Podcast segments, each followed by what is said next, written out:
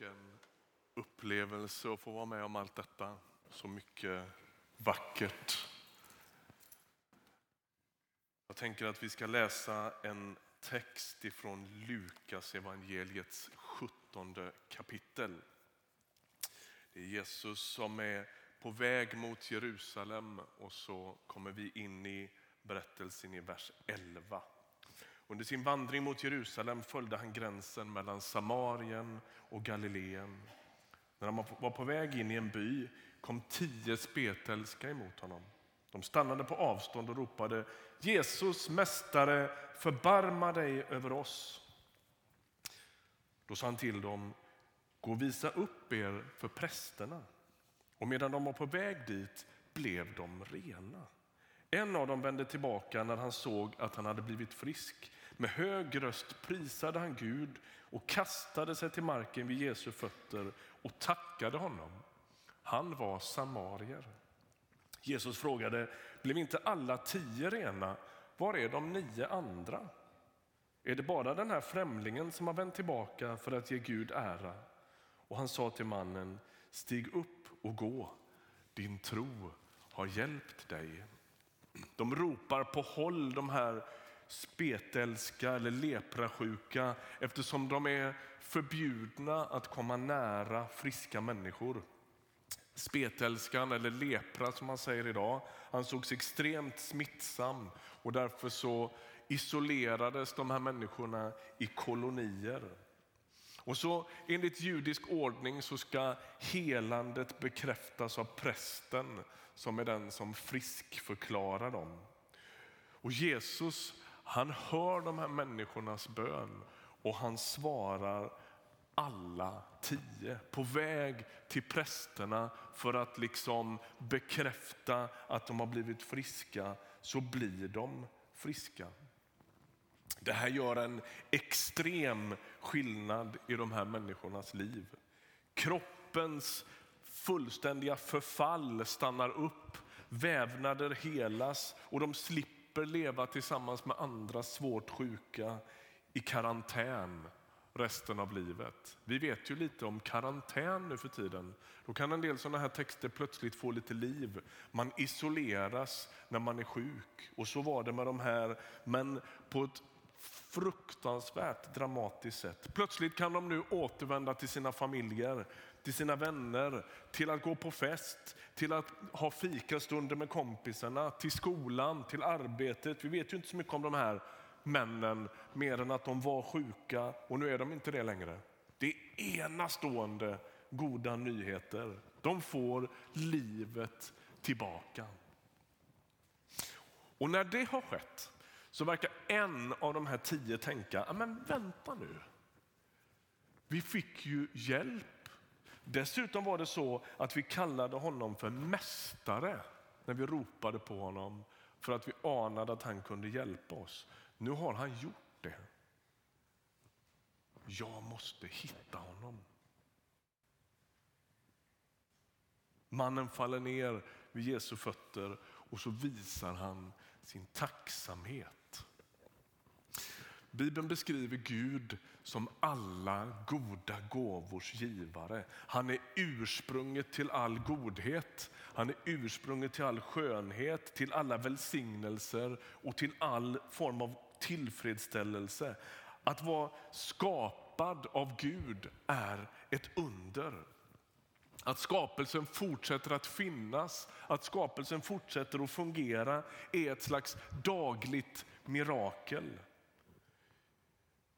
En av Nya testamentets texter, Hebreerbrevet, hävdar att Jesus bär upp allt med kraften i sitt ord. Om han tog tillbaka sitt ord skulle inget finnas. Det är alltså häpnadsväckande och märkvärdigt och mirakulöst att varje morgon vakna till en fungerande tillvaro. Planeterna skulle inte längre förhålla sig till varann.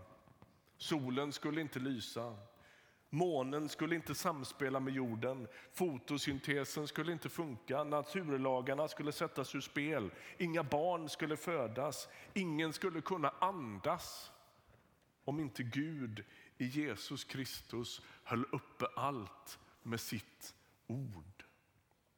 Att få syn på det och att sen rikta sitt tack åt rätt håll. Det är avgörande för varje människa. Och de flesta av oss, om du är som jag, så behöver också du öva din blick och ditt hjärta när det handlar om tacksamhet.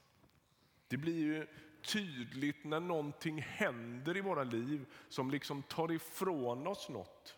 Plötsligt kan vi tänka att jag liksom inte uppskattade den där möjligheten jag alltid har haft. Vad det nu skulle kunna vara. Att gå, att springa, att prata med min gamla mamma eller vad det nu än är. Nu är det liksom för sent, det går inte längre. Jag tog så mycket för givet. Och Jag tänker att tacksamheten är med och botar just precis det giftet som liksom gör oss lite blasé och lite cyniska när vi börjar ta saker för givna. Tacksamheten blir en slags motkraft till det. Vad gör tacksamhet med oss människor? Det, jag, jag kollade lite här. Det verkar som att det finns en hel del forskning på vad tacksamhet gör med oss. Och Det ena handlar om att vi mår mentalt bättre. Forskare vid UCLA, alltså University of California i Los Angeles, har visat att tacksamhet gör oss mer positiva till våra medmänniskor, minskar känsligheten för olika stressfaktorer. Vi mår bättre när vi förmår att tacka. Vi mår också fysiskt bättre. Nu vet jag att jag har läkare i rummet här och är alltid ute på hal is när jag håller på med det här. Men jag har googlat och vad kan gå fel? Eh, tacksamhet aktiverar något som heter hypotalamus i hjärnan som reglerar en rad olika kroppsfunktioner som kroppstemperatur, känslomässiga reaktioner, aptit och sömn. Alltså tacksamhet gör att vi också fysiskt mår bättre. Och sen skulle jag vilja lägga till, det här har inte UCLA kommit på. Tacksamhet binder oss vid Jesus. Vad hände med den här enda mannen som återvände till Jesus för att säga tack? Han är ju med om att helandet liksom griper om fler områden i livet. Istället för att ropa på Jesus på avstånd som de här tio gör så får han som den enda av dem ett personligt möte med Jesus.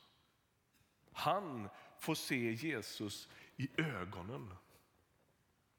Och det är liksom där och då som hans liv Alltså på ett sätt får ju hans liv en fullständig och dramatisk in, ny inriktning när han blir frisk. Men det händer också något helt annat när hans hela liv kopplas till Jesus från Nasaret. Det är det vi har varit med om här framme för en stund sedan. Gud bryter in i en människas liv, men gensvaret på det kan göra att mitt liv börjar orienteras runt honom. Det är extremt radikalt det som hände här framme. Fem unga människor som säger jag vill göra Jesus till centrum i mitt liv. Som säger nu är det han som kodar mig. Som präglar mig, som påverkar mig. Det är det den här mannen gör också. Han vänder tillbaka till Jesus och han kopplar sitt nya liv till snickarsonen från Nasaret. Stig upp och gå, säger Jesus till honom. Det gör han ganska ofta. Det, det där uttrycket återkommer gång på gång i bibeltexterna och det för naturligtvis tankarna till uppståndelsen. Det är här mannen får nytt liv. Inte bara eller endast i relation till sin spetälska. Lyssna nu. Paradoxen är den här att det är inte den som faller ner inför Jesus i tacksamhet som krymper utan de som inte gör det. Rikedomen tillfaller den tacksamme. Den som kopplar sina välsignelser till Guds godhet och som uttrycker sitt tack. Det är som att den här mannen på knä inför Jesus får ett lite mer vidgat och större hjärta. Tacksamheten gör någonting med honom. Avslutningsvis i min predikan idag. Hur övar man då på att inte ta saker för givet? Både i det egna livet och i församlingens gemensamma liv. Hur ska vi se till att liksom vaka på det om det nu liksom är med och förgiftar oss lite? Jag tänker att det finns inget annat sätt än att börja röra sig i en ny riktning. Börja tacka. Vad gör Gud i vår församling? Vad gör han i mitt liv? Vad gör han bland mina vänner? Vad gör han i den stora världen? Jag är helt medveten om att det också finns massor med saker att sörja över och be över. Det här handlar inte om någon slags så här, självsuggestion eller att vi screenar ut en massa delar av livet som inte får plats i den här lilla gulliga bubblan. Det handlar inte om det. Det handlar bara om att, om att också tacka. Att bestämma sig för att inte bli en cyniker. Be Gud öppna dina ögon så att du kan se. Jag slår stenhårt på min spik och säger som jag har sagt här många gånger. Avsluta din dag med en återblick på dagen där tacksamheten står i fokus. Be Gud öppna dina ögon så att du kan se hur han har kommit dig till mötes den här dagen. Allt från att solen gått upp, människorna du har i din närhet, att du har mat på bordet och har vaknat inomhus, materiella välsignelser, relationen med honom, goda mänskliga möten, att du får tillhöra vår församling, att vi har fått döpa fem unga människor i vår gudstjänst idag. Alltså, det finns så mycket att värma hjärtat med när det gäller tacksamheten. Det är mannen som vände tillbaka som band sitt hjärta vid Jesus. Låt mig få avsluta med att läsa psalm 100 i Saltaren. En tacksägelsesalm. Hylla Herren, hela världen. Tjäna Herren med glädje. Träd fram inför honom med jubelrop. Besinna att Herren är Gud. Han har gjort oss och vi är hans. Hans folk, fåren i hans jord. Gå in genom hans portar med tacksägelse. Kom till hans förgårdar med lovsång.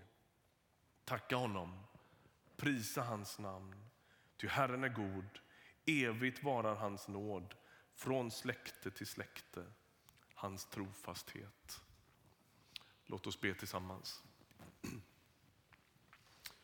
Herre Jesus, vi kommer till dig, du som håller uppe hela världen med ditt ord. Varje morgon är din nåd ny, din barmhärtighet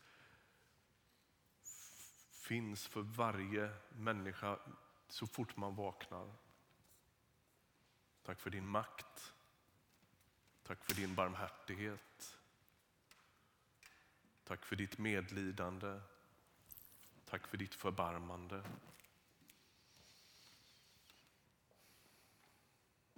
Herre, vi ber att få lära av den här mannen som vände tillbaka och sa tack. Öppna våra ögon så att vi kan se hur du kommer oss till mötes dagligen med din godhet, med din trofasthet, med ditt tålamod, med din nåd. Tack för alla mina vänner här i kyrkan. Jag ber för den som just nu tycker att tacksamhet känns väldigt långt bort. Ta oss vid handen.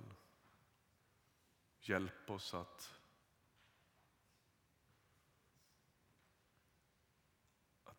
vidga våra hjärtan och bindas vid dig. I Jesu namn. Amen.